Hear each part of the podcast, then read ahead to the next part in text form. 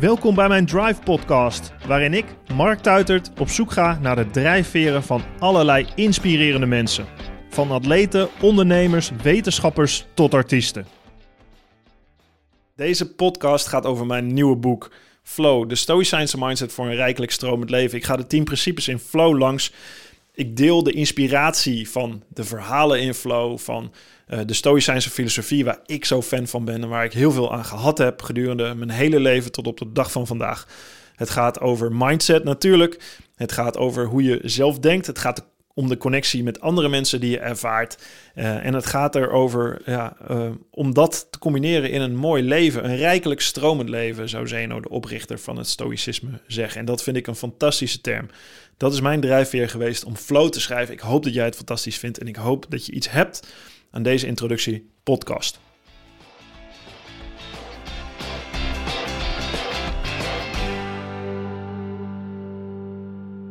Welkom bij mijn eigen podcast, de Drive Podcast. En ik wil het graag met jullie hebben over Flow, mijn nieuwe boek. En dat heet Flow om een reden. Ik zal uitleggen waarom. En het gaat nog steeds over de Stoïcijnse mindset. De ondertitel luidt: De Stoïcijnse mindset voor een rijkelijk stromend leven. Dat is wat de Stoïcijnen zo belangrijk vonden. Um, en wat ik met flow bedoel, is eigenlijk uh, het leven aangaan als een soort golf. Dus ja, af en toe zit je op de top van de golf, af en toe in het dal of lig je in de branding. Maar flow betekent dus niet uh, op een strandje liggen met een cocktail in je hand, soms ook heel leuk en lekker. Maar flow betekent meer de lastige uitdagingen niet uit de weg gaan, maar ze aangaan. En daarvan leren, van jezelf en van hoe de wereld werkt. En dat is waar de Stoïcijnen heel erg bedreven in waren. Zoals jullie misschien weten, ik ben fan van de Stoïcijnse filosofie. Daar ging mijn eerste boek Drive over. Dat was over mijn eigen verhalen, over de lessen van de Stoïcijnen die ik interessant vond. En mijn opvolger heet Flow. Dat is dus de opvolger van Drive. Uh, de Stoïcijnen, dat is een Griekse school van filosofie ontstaan 300 voor Christus door oprichter Zeno.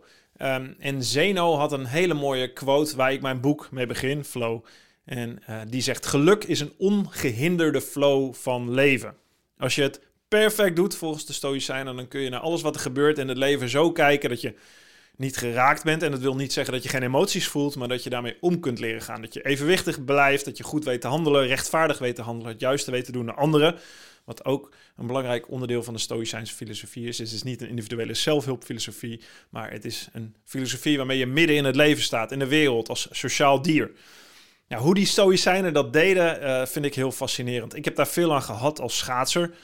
Toen ik topsporter was, stond ik onder grote druk. Moest ik omgaan met tegenslagen, met overtraindheid, een scheidingssituatie tussen mijn ouders. Um, hoe ik daarmee om ben gegaan, beschrijf ik in Drive. Wat ik met flow wil uitleggen is hoe anderen dat hebben gedaan. Dus ik begin mijn boek met inspirerende verhalen.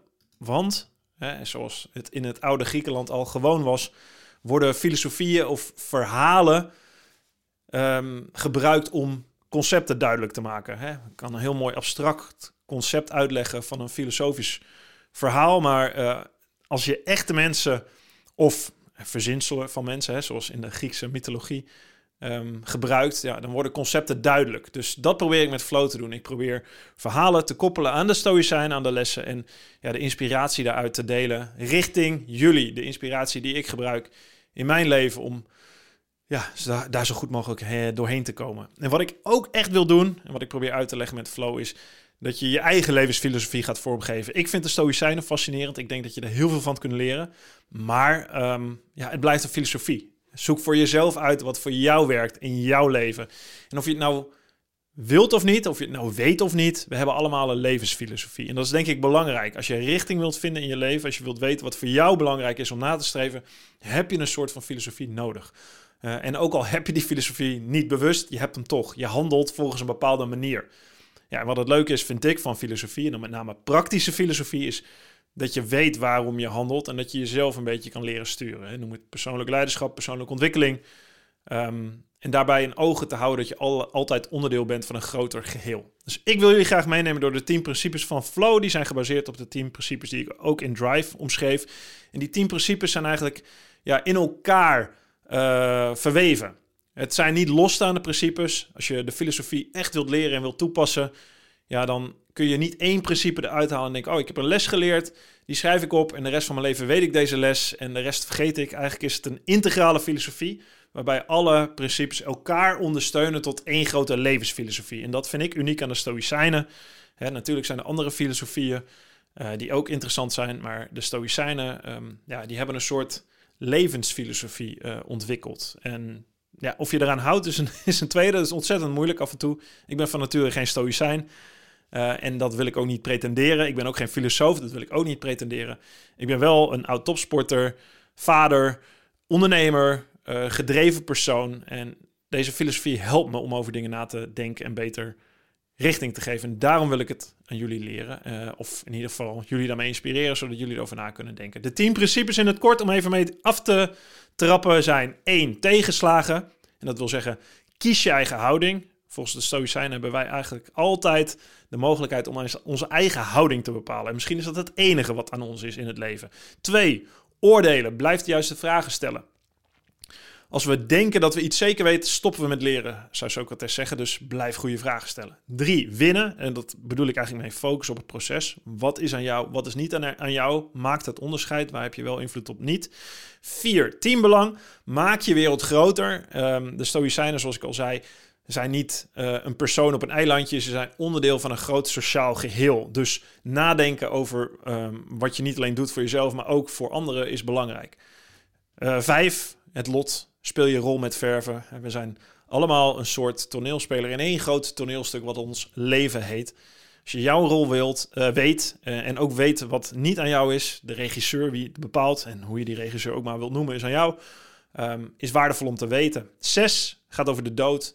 Als je leeft met het einde in zicht, dat is een absurde realiteit waar we natuurlijk allemaal ons tot moeten verhouden in het leven, ja, dan kun je genieten van de grote dingen en de kleine dingen. Uh, save is geluk. Plaats het geluk in het nu, niet in de toekomst.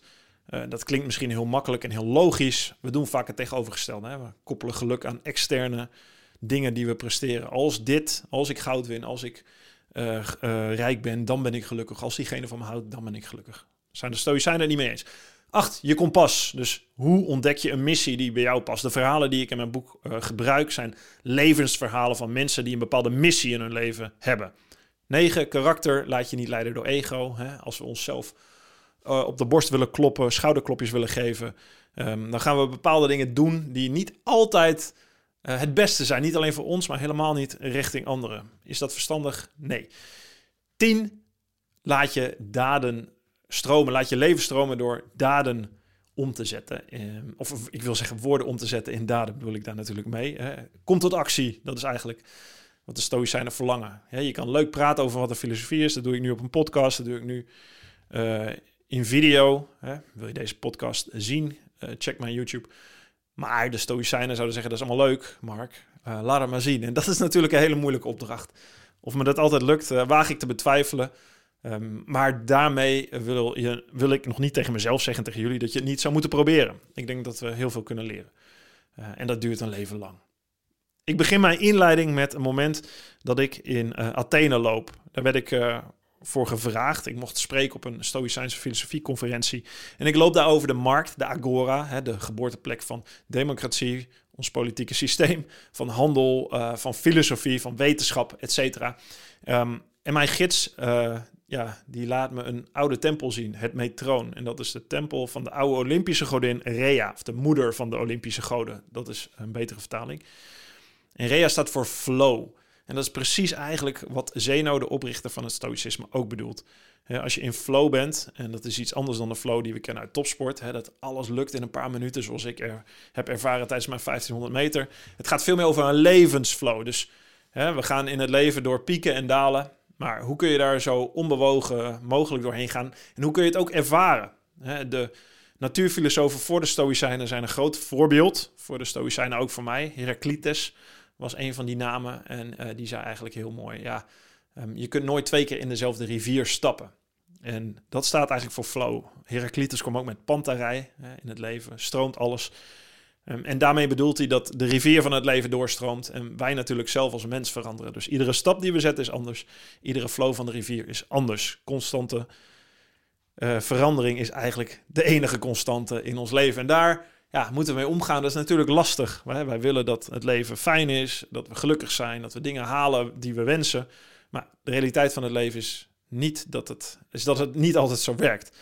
Um, en om dat aan te tonen uh, gebruiken de Grieken vaak uh, de mythe van uh, Heracles, of in het Romeins is dat Hercules, um, die op een tweesprong staat en voor de moeilijke weg kan kiezen of voor de makkelijke weg zonder tegenslagen. Hij kiest de moeilijke weg, moet allemaal gevaren trotseren, van monsters tot aan dodelijke uitdagingen. hij verliest ook zijn leven, maar wordt weer tot leven gewekt door Zeus, de oppergod. En hij is het voorbeeld van um, niet uh, het makkelijke kiezen, maar de moeilijke weg. De weg van karakter, de weg van arete, zoals uh, de Grieken het zo mooi zeggen. En dat wil zeggen uh, de juiste weg, de goede weg. Um, en misschien ook wel de weg met de meeste uitdagingen. Dus dat spreekt mij aan, de weg van de uitdaging. En arete staat ook voor het goede qua karakter. Dus niet het goede voor een uitslag. In de filosofie is een goede uitslag niet per se goed of slecht. Uh, hoe je je gedraagt, uh, wat jouw instelling is, jouw innerlijke instelling. Dat bedoelen ze daarmee, Arete, de perfecte innerlijke instelling die we, nou, die misschien alleen maar de goden uiteindelijk kunnen halen. Natuurlijk zitten wij mensen vol met fouten. Um, ik ga jullie uh, de tien principes uitleggen. Wil je ze heel uitgebreid lezen met alle quotes en anekdotes, ja, dan verzoek ik je mijn boek te kopen. Dat kan via mijn website marktuitert.nl. Dan krijg je een gesigneerd, door mij persoonlijk gesigneerd exemplaar thuisgestuurd de volgende dag. Um, en dan kun je ook de QR-code scannen in het boek waarmee je een template kan downloaden. En in die template staan alle oefeningen die ik in mijn boek heb omschreven. Als je al die oefeningen afgaat, dan heb je aan het einde van mijn boek die template ingevuld. En dan heb je een, nou ja, een A4'tje met jouw eigen levensfilosofie. Dat vind ik heel vet. Uh, dat was ook het doel van mijn boek eigenlijk. Zodat jij ermee aan de slag kan en ja, je eigen levensfilosofie kan bouwen. Ik ga even door die tien principes heen om je een beetje houvast te geven. Tegenslagen 1. Kies je eigen houding. Epictetus zou zeggen, met een hele mooie quote: Leg je toe op sterven, op gevangenschap, op marteling, op verbanning. En dat alles met een gerust hart en vol vertrouwen. Epictetus werd geboren als slaaf, in gevangenschap zou je dus kunnen zeggen. En hij hield zijn innerlijke instelling hoog. En die lessen die hij leerde, deelde hij met zijn leerlingen. Die zijn opgeschreven door Arianus, een van zijn leerlingen. En dat zijn heel mooi uh, de colleges geworden van Epictetus, waar heel veel andere mensen um, houvast aan hadden. Ook al in die dagen. Epictetus was van slaaf eigenlijk leraar geworden. Een van de mensen die daar heel veel houvast aan had was James Stockdale. Daar begin ik uh, mijn boek mee. James Stockdale was een Amerikaanse gevechtspiloot die neer werd geschoten in Vietnam tijdens de Vietnamoorlog. En hij belandde in de Hilton, Hanoi Hilton. Um, zo moet ik het zeggen, de Hanoi Hilton. Uh, dat was een, zwaar, uh, een zware gevangenis waar de gevangenen, gevangenen door ja, martela, martelingen gingen, door, door ondervragingen. Het was heftig. Um, James Stockdale spendeerde de grootste tijd daar in een isolatiecel. Moest zware marteling ondergaan. En hij probeerde zijn innerlijke instelling hoog te houden als leider. Hij was de hoogst geplaatste Amerikaan die daar in gevangenschap zat. En hij had filosofieles gehad in, uh, in college, in college of university, toen hij op school zat. En die lessen hielpen hem in gevangenschap. Om zijn eigen innerlijke instelling hoog te houden. Om het juiste te doen voor zijn soldaten. Om niet toe te geven aan de vernederingen. Um, om zijn innerlijke instelling hoog te houden. Hij overleefde het, kwam vrij. Um, en zijn um, memoires zijn beroemd geworden. En terecht, daar zit heel veel stoïcisme in. Uh, daarnaast omschrijf ik een stukje uit mijn Drive podcast met Joseph Abelkas. Luister die zeker.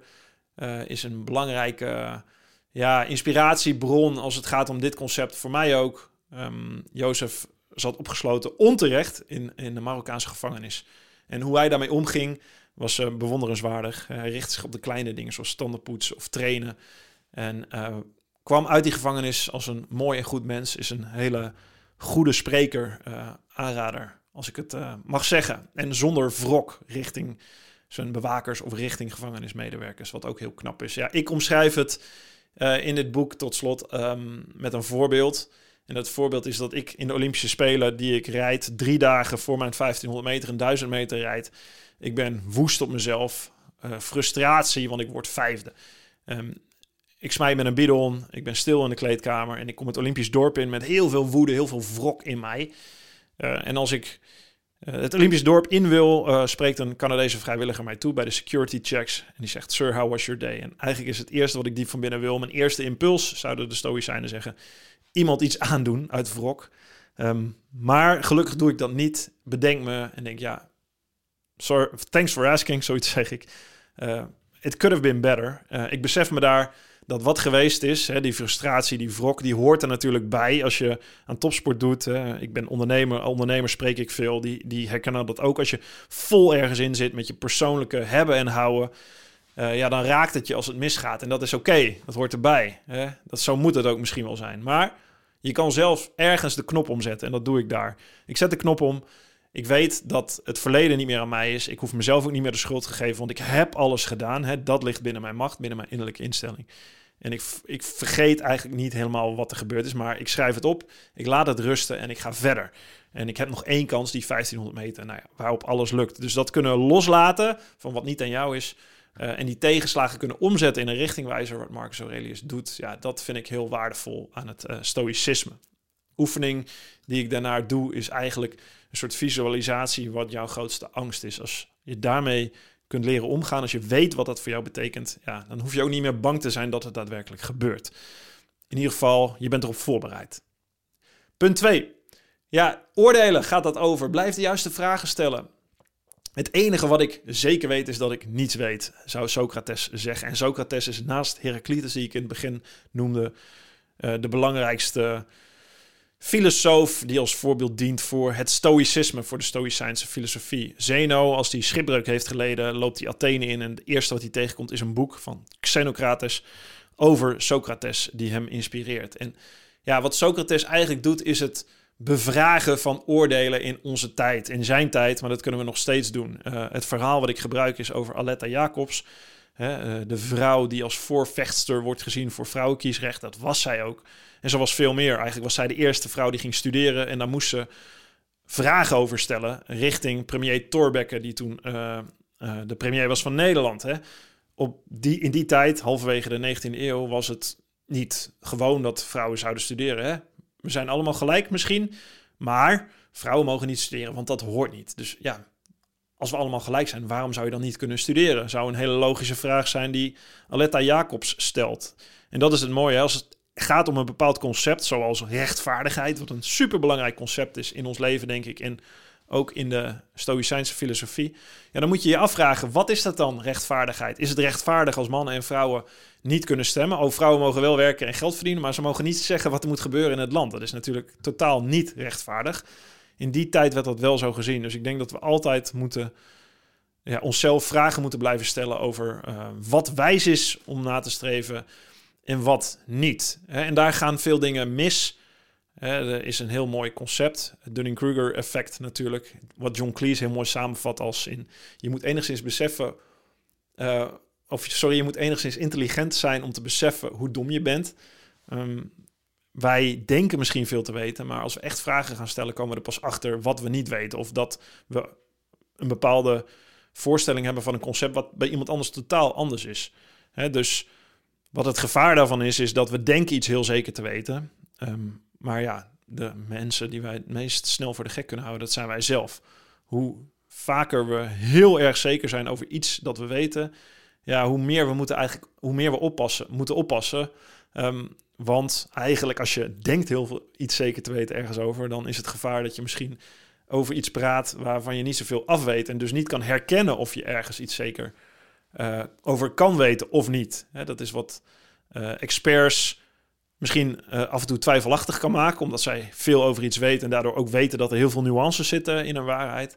En daardoor kunnen mensen die iets minder ergens van af weten, misschien heel stellig zijn ergens in, terwijl ze niet goed kunnen doorgronden. Dat wil niet zeggen dat die ene kant ongelijk heeft en die andere kant gelijk. Het wil wel zeggen dat je op je hoede moet zijn en vragen moet blijven stellen. Dus niet zomaar iets met heel veel zekerheid kan zeggen. En je natuurlijk moet beroepen op feiten. Wat zit er ergens achter? Is het gestaafd? Is het breed onderzocht? In plaats van losse anekdotes die je bij elkaar plakt om tot een statement te komen. Dus eigenlijk zou je kunnen zeggen, en dat is ook wel een beetje de oorsprong van westerse filosofie natuurlijk, dat het ook de oorsprong is van wetenschapbedrijven. Van niet iets zeker weten, maar blijven zoeken naar wat er klopt. Um, ja, en dat is wat Socrates ons leert in de manier waarop hij vragen stelt. Hij wordt gezien als horzel. Hij is degene die um, de macht in Athene bevraagt op een hele mooie manier. En dat zou je ook kunnen doen met je vrienden. Hè? Uh, dat probeer ik af en toe wel eens te doen. Bepaald eh, eens een soort ja, discussiepunt met je vrienden en probeer elkaar te ondervragen. Dus zeg niet van ja, ik weet dit en ik ben het oneens, want dit en dit. Hè? We geven meteen argumenten in plaats van dat we doorvragen op iemands concept zonder een argument te geven. En daarvoor moet je je eigen oordeel iets in kunnen houden. Dus als iemand iets zegt, niet meteen zeggen: hey, dit is onzin of dit of niet. Ehm, maar door kunnen vragen op waarom vind je dat eigenlijk? En heb je een voorbeeld waar, waardoor dat blijkt? Waar berust je je verhaal op? Welke feiten? Hoe ondersteun je dat? Waarom denk je dat? En als daar een verhaal over kunt, kun je daarop doorvragen. Ehm, en daarvoor moet je je eigen mening inhouden. Dus als iemand iets zegt waar jij het niet mee eens bent, zeg je niet ik ben het er niet mee eens, dan vraag je waarom eigenlijk niet. Ja, en dat gebeurt denk ik in onze huidige maatschappij af en toe veel te weinig. Als we naar social media kijken, naar de politiek, naar krantenkoppen, ja, proberen we elkaar te begrijpen of willen we gewoon onze eigen mening ergens doordrukken?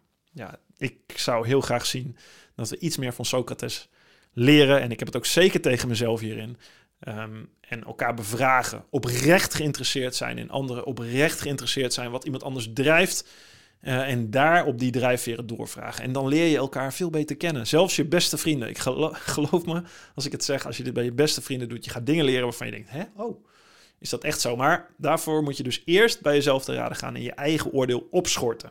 Leer een bepaalde manier van vragen stellen te hanteren en breng je eigen oordeel daar niet in. En ook je eigen emoties niet. Dus dat wil zeggen dat je kalm blijft, wel overwogen blijft. En dat is het stukje Stoïcijnse filosofie wat uh, daarin doorschijnt. Dus je niet mee laten voeren op iemands anders antwoord, maar kalm, rustig blijven en iets afstand nemen. En dat doen we vaak niet. Hè? Vaak willen empathisch zijn of iemand een schouderklopje geven of troost bieden. Ja, in een Socratisch gesprek uh, wil je dat juist niet. Wil je juist afstand nemen en doorvragen. En natuurlijk op het einde kun je dat zeker doen, maar niet eerst in je onderzoek. Drie, winnen. Ja, wat heeft winnen nou met filosofie te maken, uh, zou je kunnen zeggen. Nou, in die zin dat uh, een goed leven niks met winnen te maken heeft, maar in de andere zin dat we natuurlijk allemaal gericht zijn op een bepaald doel. Uh, als ik sport, dan geloof me, wil ik winnen. Een wedstrijdje wil ik winnen. als ik ergens voor ga, wil ik gewoon heel goed worden. En dat geeft helemaal niks. Dat is heel goed, denk ik, want daardoor drijf je jezelf ehm, naar een bepaalde grens en daardoor leer je lessen. Daardoor uh, leer je meer van het leven, meer van een bepaald gebied, meer van jezelf. En dat vind ik ontzettend waardevol, die uitdaging. Maar uh, er zit een valkuil aan. Uh, en dat is als je alleen nog maar bezig bent met dat doel, met dat winnen. En zo kom je er niet. Het enige waar je een doel door gaat bereiken en het ook nog een waardevol proces is, is dat je in dat proces goed leert te zien wat aan jou is en wat aan, niet aan jou is. dus we maken dingen mee in ons leven. Um, zoals ik al eerder vertelde, hè, die duizend meter die ik verloor. Ja, daardoor um, word ik eigenlijk gek of woest. Nou, dat is niet heel stoïcijns. En de stoïcijnen zouden zeggen, bedenk goed hoe dat in elkaar zit. Epictetus zou zeggen, je hebt een indruk. En mijn indruk is dus dat winnen binnen mijn macht ligt. Winnen is aan mij. Als ik heel hard mijn best doe, dan kan ik winnen. Of dan kan ik winnen is niet goed, want dat is juist. Maar dan ga ik winnen. Ik heb controle over die winst. De gebeurtenis is daartussen, ik verlies de wedstrijd. En het resultaat is dat ik een bidon uit frustratie tegen een muur gooi. En eigenlijk zou Epictetus zeggen, ja, die redenatie klopt dus niet. En dat begint al bij het begin, bij jouw indruk. Je hebt een verkeerde indruk gehanteerd over wat winnen betekent.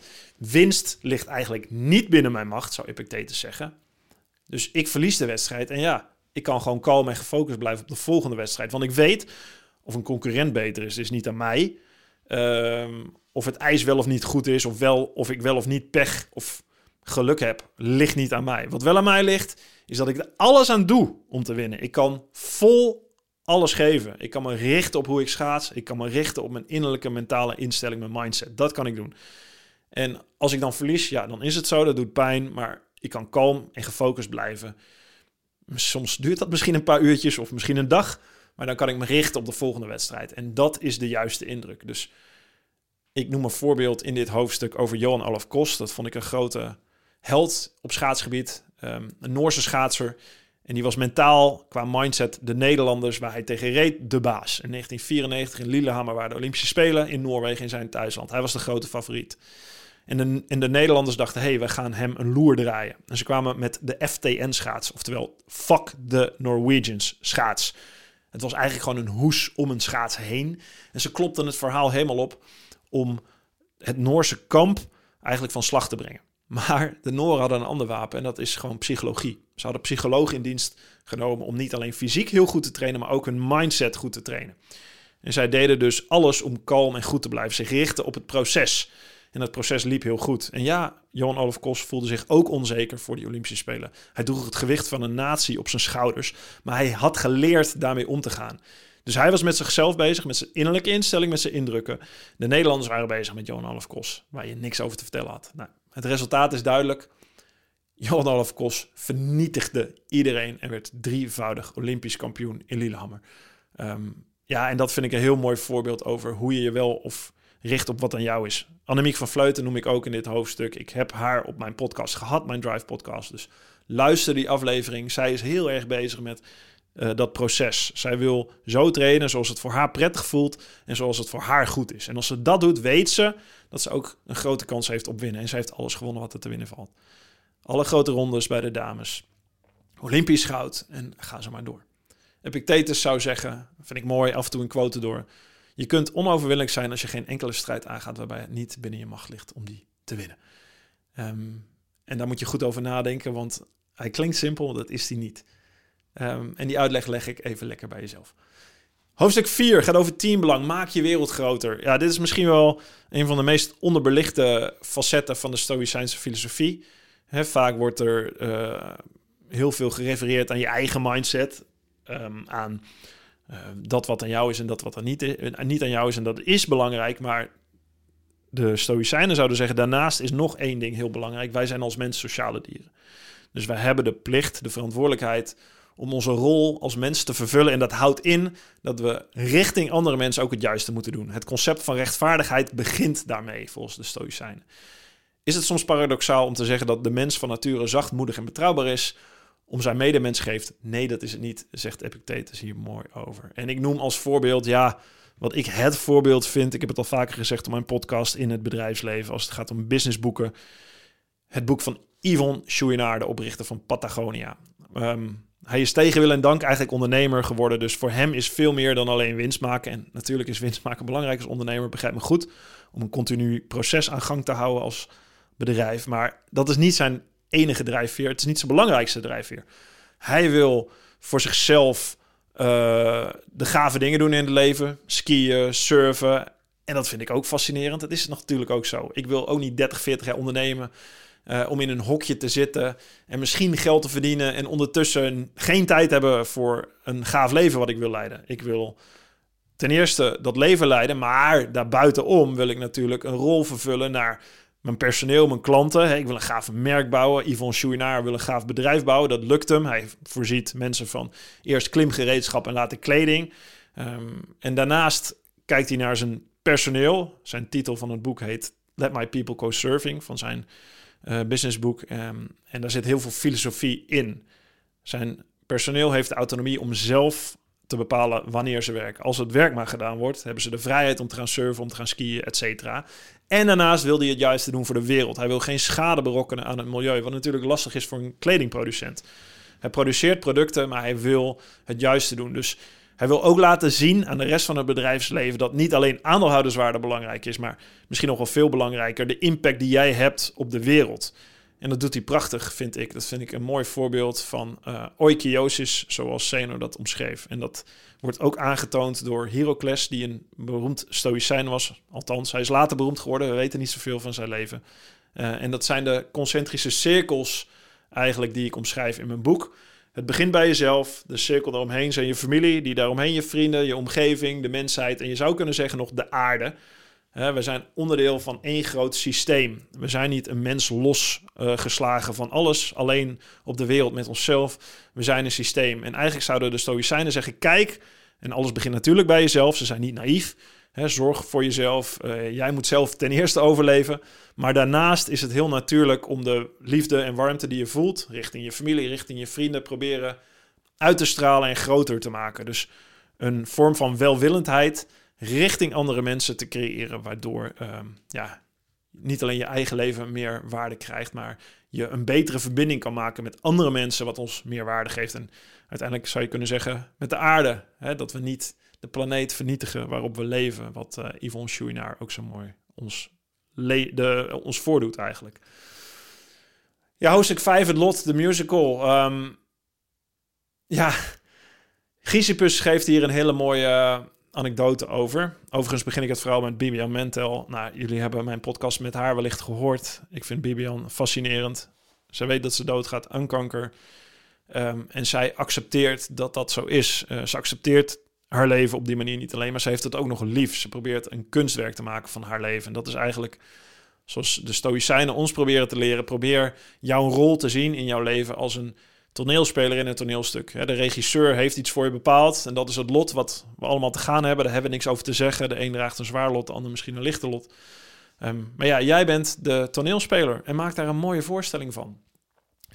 Gysippus was uh, de derde stoïcijn in Rijn. Je had Zeno, je had daarna um, en daarna kwam Gysippus. En Creant, uh, Gysippus sorry, zegt...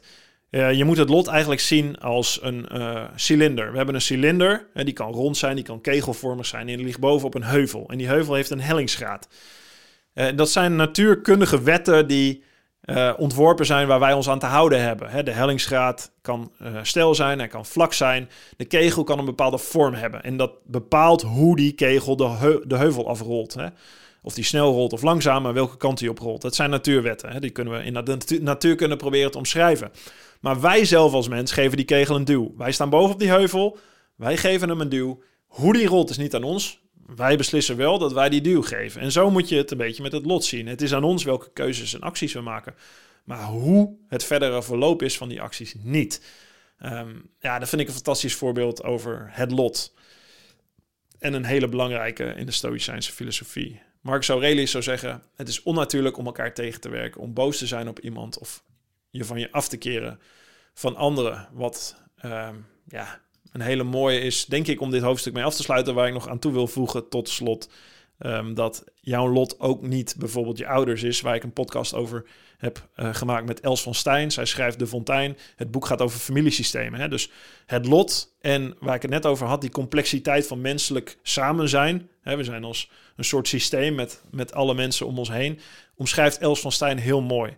Als het gaat naar jouw ouders toe bijna, en dit heb ik ook heel erg moeten leren, is jouw ouders zijn ook jouw lot. Daar heb je niets over te zeggen. Misschien had je andere dingen verlangd, meer liefde of, of heel veel andere dingen, maar dat is niet aan jou. Uh, dat is een gegeven. Um, dus de manier waarop jij kijkt naar jouw ouders en naar anderen ook boven je, je grootouders en, en daarboven, uh, bepaalt hoe je innerlijke instelling is. Als je heel veel wrok koestert omdat je allemaal dingen wenst die je niet hebt gekregen, ja, dan ga je anders naar je ouders kijken. En dat is niet aan jou. Dat is jouw lot. Dus als je dat kan zien als jouw lot en daar iets moois van kan maken, in plaats van wrok te koesteren, en dan wordt je leven beter. Um, ja, en dat omschrijft Els heel mooi in haar boek, ook in onze podcast. Laat ik terugkomen in dit boek, in Flow. Zes, de dood. Leef met het einde in zicht. Want leven zonder moed te sterven, dat is slavernij, zegt Seneca ons. Um, ja, ik vind een fascinerende documentaire. Ga deze kijken. Ik schrijf hem, ik beschrijf hem in mijn, in mijn boek in dit hoofdstuk. Uh, Free Solo van Alexander Arnold. Alexander Arnold is een klimmer. En hij ja, gaat misschien wel de meest levensgevaarlijke uitdaging aan die in het klimmen jezelf aan kan gaan. Of misschien wel überhaupt in sport. Um, hij gaat zonder uh, touwen, zonder zekering, zonder andere mensen uh, de berg op. En dat doet hij onder andere bij El Capitan. Dat is een keiharde granieten rotswand uh, in het westen van Amerika. en die klimt hij dus free solo op. en om dat te kunnen, moet hij zich verhouden tot de dood. Hij weet dat dat heftig is. Hij wil zeker niet dood. Dus hij zorgt dat hij heel goed voorbereid is. Hij zorgt dat hij alle stapjes van al zijn vingers precies uit zijn hoofd kent. En hij heeft dat nodig om vol te leven. Het klinkt absurd. Dat is het waarschijnlijk ook. Want onder MRI-scans blijkt dat zijn hersens iets anders werken dan die van ons. Maar daarom is het een mooie metafoor. Hij, hij gaat die ultieme uitdaging aan. En hij moet dus de angst voor de dood overwinnen. Als hij angstig klimt, gaat hij het nooit redden. Dus hij weet dat hij kan vallen, hij weet wat er dan gebeurt en daar verhoudt hij zich tot. En daarmee beslist hij dat hij alsnog gaat klimmen en daar een heel mooi kunstwerk van maakt. Ik omschrijf ook een stukje uh, uit mijn podcast met Irene Wust. Daarbij heb ik het over de dood van Plien van Deutenkom. Uh, die kende ik ook uh, persoonlijk, ook een ploeggenote van mij geweest. Het is haar harsvriendin geweest. Pauline was een fantastisch persoon, heel levenslustig. En wat haar dood ja, haar leerde en mij ook, is dat we ook heel erg blij moeten zijn met de kleine dingen. dat we niet ons moeten laten leiden door wat we andere mensen van ons vinden of over ons schrijven, wat als topsporter natuurlijk gebeurt. Maar dat we ja, genieten van de kleine dingen. Dus als wij een wedstrijd schaatsen, gaat het er niet om dat we die winnen altijd. Maar het gaat er gewoon om dat we die heel graag willen schaatsen. Als ik iets wil doen, wil ik dat graag doen. En dat zit niet in de hele grote gebaren. Dat zit soms in hele kleine dingetjes. Voor mij is het af en toe kitesurfen, op het water staan. Uh, met mijn zoontje een stukje voetballen. Of, of ja, heel cliché misschien, maar heel waardevol. Um, ja, en als je daarover nadenkt, dus over de dood, over dat ons leven eindig is, ja, dan kun je je misschien bedenken dat je niet vergeet te genieten uh, van zulke momenten. Gaan we naar hoofdstuk 7. En dat gaat over geluk. Plaats het geluk in het nu, niet in de toekomst. Ja, is it better to burn out than to fade away? Is de vraag die ik in dit hoofdstuk stel. Ik vergelijk Kurt Cobain, wat een held was op muziekgebied voor mij, maar die diep ongelukkig is met bijvoorbeeld Pearl Jam, wat een band is die ik echt fantastisch vind. Pearl Jam, uh, Nirvana, et cetera, groeide op uh, in de grunge-revolutie in de jaren 90, waar ik ook ben opgegroeid, muzikaal. Um, en zij worstelden heel erg met de roem die hun ten deel viel. Eigenlijk was het een soort punkrevolutie die opkwam, die in één keer mainstream werd. En al die voornamelijk frontmannen moesten zich verhouden tot dat succes. Kurt Cobain ging eraan onderdoor, net zoals Lane Staley. Uh, net zoals Chris Cornell van Soundgarden en Alice in Chains respectievelijk. Um, en Eddie Vedder is er nog steeds, de zanger, godzijdank, van Pearl Jam. Uh, ze hebben heel veel meegemaakt. Uiteindelijk besluiten ze goede muziek te maken die ze tof vinden. En niet meer per se hits te gaan schrijven, maar hele goede concerten te geven. Ze geven concerten van drie uur die ik fantastisch vind. Zij maken een uh, product, muziek, wat ik fantastisch vind. Zij kanaliseren die emoties, ook de frustraties, de pijn, het verdriet in fantastisch mooie muziek. En dat is wat je kan doen. Ehm, als je het hebt over geluk, is de, dus ik vergelijk het eigenlijk met een Lego-bouwwerk. Ik weet niet of jullie met Lego hebben gespeeld. Ik wel toen ik klein was. En je was constant bezig met zo'n heel mooi Lego-bouwwerk te maken. Steentje na steentje bouw je het op. En als je het klaar hebt, dan denk je: en nu? Oh, nou ja, laten we maar weer een Lego-bouwwerk gaan bouwen. Dus het bouwen aan iets, het creëren van iets, of het nou gaat om maken met muziek, van muziek, of het nou gaat om een kunstwerk maken, of het schrijven van een boek, wat ik heb gedaan wat ik ook een heel leuk proces vind. Daar zit geluk in, in het creëren, in het groeien, in het bloeien. Wat de Stoïcijnen zo mooi eudaimonia noemen. Niet alleen de Stoïcijnen, ook meerdere filosofen eh, in, uh, in de Griekse oudheid. Um, ja, en dat vind ik een mooi concept van geluk. Dat gaat veel verder dan een gouden medaille of uh, een mooie auto. Um, dat is niet goed of slecht. Maar geluk zit in het creatieve proces, in het maken, in het worstelen, in het ontdekken um, en het spelen. Hoofdstuk 8, het kompas, ontdek de missie die bij je past. Um, ja, ik vind een heel inspirerend voorbeeld op dit gebied Bojan Slat. Ik ondervraag hem in mijn podcast. Hij is de oprichter van de Ocean Cleanup. Als jochie is hij al heel gedreven en heel slim. Uh, hij wil bepaalde problemen oplossen. En het grootste probleem wat hij kan vinden is de plastic soep in de grote oceaan. En hij ontwikkelt een soort systeem waarmee hij uh, dat op kan ruimen. En dat doet hij nu nog steeds. En dat zijn heel veel tegenslagen geweest. Product werkte helemaal niet zo. Die boten en die armen werkten helemaal niet zo precies zoals ze hoopten dat het zou werken. Maar hij houdt niet op. Hij blijft doorgaan. Hij blijft zoeken naar de oplossing. Hij uh, maakt rivieren schoon. En hij heeft een hele duidelijke missie. En hij is in flow. En er gaat heel veel mis. En hij heeft die flow te pakken. Ik ben bij hem op kantoor geweest, omdat hij met een team daaraan werkt. Een team met hele slimme mensen die zich inzetten voor zulke mooie doelen. Het zijn niet de slimme mensen die een algoritme van een Facebook proberen te optimaliseren, zodat ze meer advertenties kunnen verkopen. Het zijn mensen die bezig zijn om echt problemen op te lossen, die uh, de natuur een handje verder helpen. En Boyan Slat is daar ja, een inspirerend leider in. Uh, nog heel jong, uh, maar met een hele duidelijke levensmissie. Eentje die me doet denken aan Marcus Aurelius, die zegt: Wanneer je s'morgens vroeg met tegenzin opstaat, en dat hebben we allemaal wel eens natuurlijk, heb dan deze gedachte bij de hand. Ik sta op om de taak van een mens te verrichten. En daarmee bedoelt hij dat wij als mens een taak hebben in het leven. En die taak aan jou is om die te ontdekken. Wat past bij jouw uh, interesses, kun je afvragen. Hè? Waar word je blij van? Waar ben je goed in? En waar heeft de wereld behoefte aan? Of met andere woorden, waar hebben andere mensen behoefte aan? Als je die uh, dingen kunt invullen, ja, dan ontdek je je eigen missie. Dat vergt dus dat je naar de wereld kijkt, kijkt waar behoefte aan is. En dat vergt dat je je eigen leidende missie helder hebt.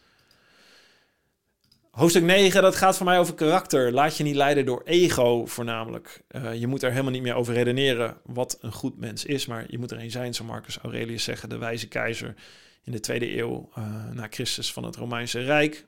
Ik omschrijf Ernest Shackleton, wat ik een mooi voorbeeld vind van leiderschap. Hij is een poolreiziger. Hij gaat op pad met zijn mannen en hij selecteert zijn mannen op karakter. Dus niet op de beste diploma's, maar of ze uh, heldhaftig gedrag kunnen vertonen, of ze een goed gemoed kunnen houden in tegenslagen, of ze een liedje kunnen zingen. En dat gedrag heeft hij nodig, want hij komt vast te zitten in de ijskou op een ijsschots in Antarctica. Bijna twee jaar verblijft hij daar met zijn mannen en iedereen overleeft het. En dat is te danken aan het leiderschap van Ernest Shackleton. Hij verkiest ervoor de missie om te zetten in het overleven van zijn mannen in plaats van een oversteek uh, van Antarctica, wat het uiteindelijk het doel was van de missie. En uh, ja, hij verkiest dus uh, het leven van zijn personeel, zoals je het zo mooi kan zeggen, boven het uiteindelijke doel. En dat vind ik een mooi voorbeeld van leiderschap. Nog een ander voorbeeld wat ik even wil aanhalen is dat van Antetokounmpo, Giannis Antetokounmpo. Ik heb zijn biografie hier liggen. Um, zoon van uh, Nigeriaanse immigranten, uh, wonend in uh, Athene in Griekenland. En hij verhuist uiteindelijk naar Amerika omdat hij het grote talent is in het basketbal. Hij wint met de Milwaukee Bucks de NBA-titel. Hij wordt Most Valuable Player van dat jaar. iets wat al 50 jaar niet gebeurd is met dat kleine clubje wat maar nooit won. En hij zegt iets heel wijs. Hij zegt dit. Meestal als je denkt, oh ik ben geweldig, oh dit gaat zo goed, dan ben je de dagen daarna minder goed. Misschien herken je het. Je gaat iets te veel in jezelf geloven. Hij zegt: Ik heb geleerd dat als je je focust op het verleden, dan spreekt je ego. Hè? Ik deed dit in het verleden, daarom won ik dat. Hè? Dat ken je misschien. ik ben zo goed, et cetera, et cetera. Of van iemand anders. Maar laten we eerst naar onszelf kijken. Als ik focus op de toekomst, zegt hij, dan spreekt me trots. Hè? De volgende wedstrijd, die zal ik domineren. Ik probeer, om daarom, ik probeer daarom te focussen op het moment. Dat is, geen nederigheid, of dat is nederigheid, zegt hij. Dat is geen verwachtingen hebben, maar het veld opstappen. Van een spel genieten en op een hoog niveau spelen. Dat is de kunst die ik heb geprobeerd te beheersen en het werkt. Ja, dit vind ik een prachtig voorbeeld. Hij zegt eigenlijk, hè, we worden allemaal gedreven door ego ergens. Hè. Dat, prima, ik ook ongetwijfeld, wij allemaal. Alleen de kunst is om dat te leren herkennen. Hè, doe je dit nou om aandacht te genereren? Doe je dat nou om jezelf te profileren en nog een stapje hoger te komen? Of doe je dit echt omdat je het tof vindt om te doen? Doe je dit echt omdat je hier blij van wordt? En doe je, als het moet, ook echt het juiste voor anderen in plaats van dat doel? Hè? Durf je dat ook op te offeren als het ten koste gaat van anderen? Zoals Ernest Shackleton zo mooi deed. Ja, ik uh, vind daar hele mooie voorbeelden in, uh, in Flow. En die probeer ik uh, mee te nemen naar jullie tot het laatste hoofdstuk. En dat is daden.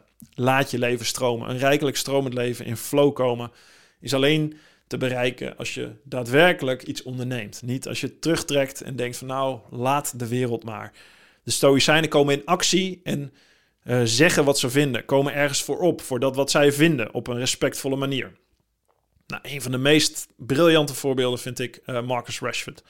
Hij is de spits van Manchester United.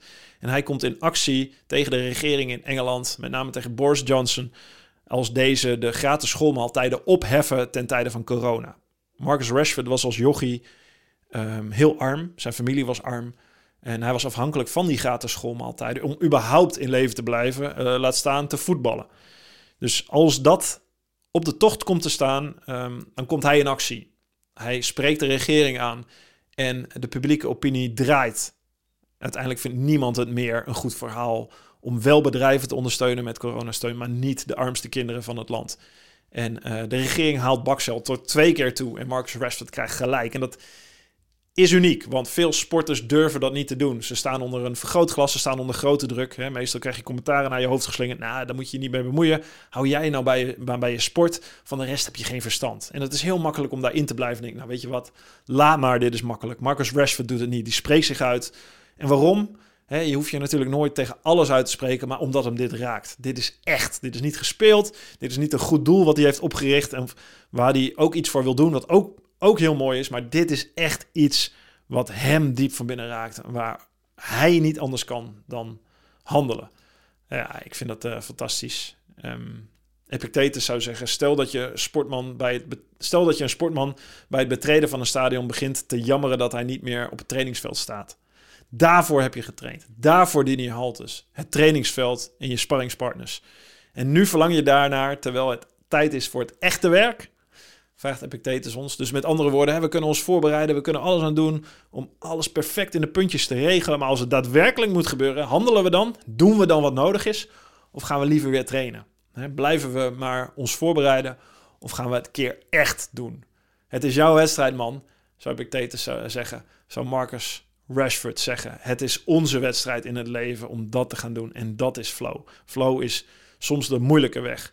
Alle voorbeelden die ik hanteer staan op een soort kruispunt. Ze kiezen voor de moeilijke weg. Ze kiezen niet voor de makkelijke weg. Ze kiezen voor de moeilijke weg met alle uitdagingen. En proberen daar zich zo goed mogelijk doorheen uh, ja, te worstelen. En dat is een beetje wat ik met flow bedoel. De vergelijking met een surfer op de golf. Die surfer die op de cover staat van, uh, van mijn mooi ontworpen boek. Al zeg ik het zelf, dat is Ruben Steeman die dit heeft gedaan. Daar ben ik ontzettend blij mee. Die surfer wordt af en toe afgegooid. Dan ligt hij in een branding. Dat is niet fijn. Je wordt gespoeld. Maar je klimt weer op je bord. En je gaat de golf weer op. Ik doe het zelf af en toe met kitesurfen. Je speelt met de elementen. Je speelt met het weer. Dat heb ik ook als ik op natuurreis sta als schaatser. De wind, het ijs, de elementen. Het is zo heerlijk in de natuur zijn. Uh, en dat is in flow. Als je zo in flow door het leven kunt gaan, um, ja, dan weet je hoe je moet handelen in zulke situaties. En dat vereist een soort levensfilosofie. Als je daarvan bewust bent, kun je beter handelen in de situaties, beter handelen naar jouw eigen kern, naar jouw eigen missie, zoals de voorbeelden in flow doen. De voorbeelden van de Stoïcijnen, de voorbeelden van mijn verhalen. Uh, en hopelijk jij ook. Uh, ik hoop dat je mijn boek mooi vindt. Ik hoop dat je aan de slag gaat met de trainingen. Uh, die staan in mijn boek. Die heb ik bewust nu niet behandeld. Daar moet je gewoon even de tijd voor nemen. Daar is een YouTube-video of een podcast niet genoeg voor. Dus ga het boek langs, ga de trainingen langs. Als je eindigt met het boek, heb jij jouw eigen levensfilosofie. Um, ik hoop dat je Flow mooi vindt om te lezen, mooi vindt om uiteindelijk mee in actie te komen. En ik hoop dat jij net zo'n fan bent van de Stoïcijnen als ik. Wil je verder lezen, kun je ook uh, Drive er nog een keer bij pakken, mijn eerste boek. Of je gaat naar de originele teksten, dat wil zeggen de overpeinzingen, oftewel meditaties van Marcus Aurelius, de brief aan Lucilius van Seneca, uh, de verhalen of de colleges van Epictetus. Uh, je kan ook de boeken lezen van Ryan Holiday, de Daily Stoic, um, uh, de boeken van Donald Robertson, Leer denken als een Romeinse keizer, van Massimo Pilugi. Dat zijn de meest ja, gangbare boeken in het stoïcisme. Je kan ook Stoïcijnse levenskunst lezen van Mirjam van Rijen, een Nederlands Stoïcijns filosoof die ik echt prachtig vind um, en veel aan gehad heb.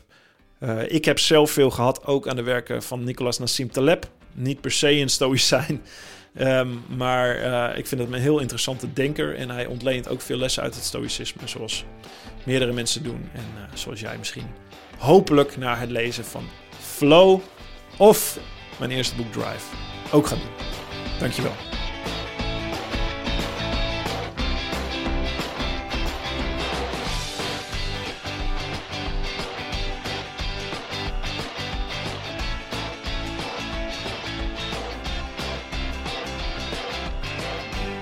Dank voor het luisteren naar mijn Drive podcast. Je vindt mijn aflevering op Spotify, iTunes, YouTube en mijn website marktuitert.nl.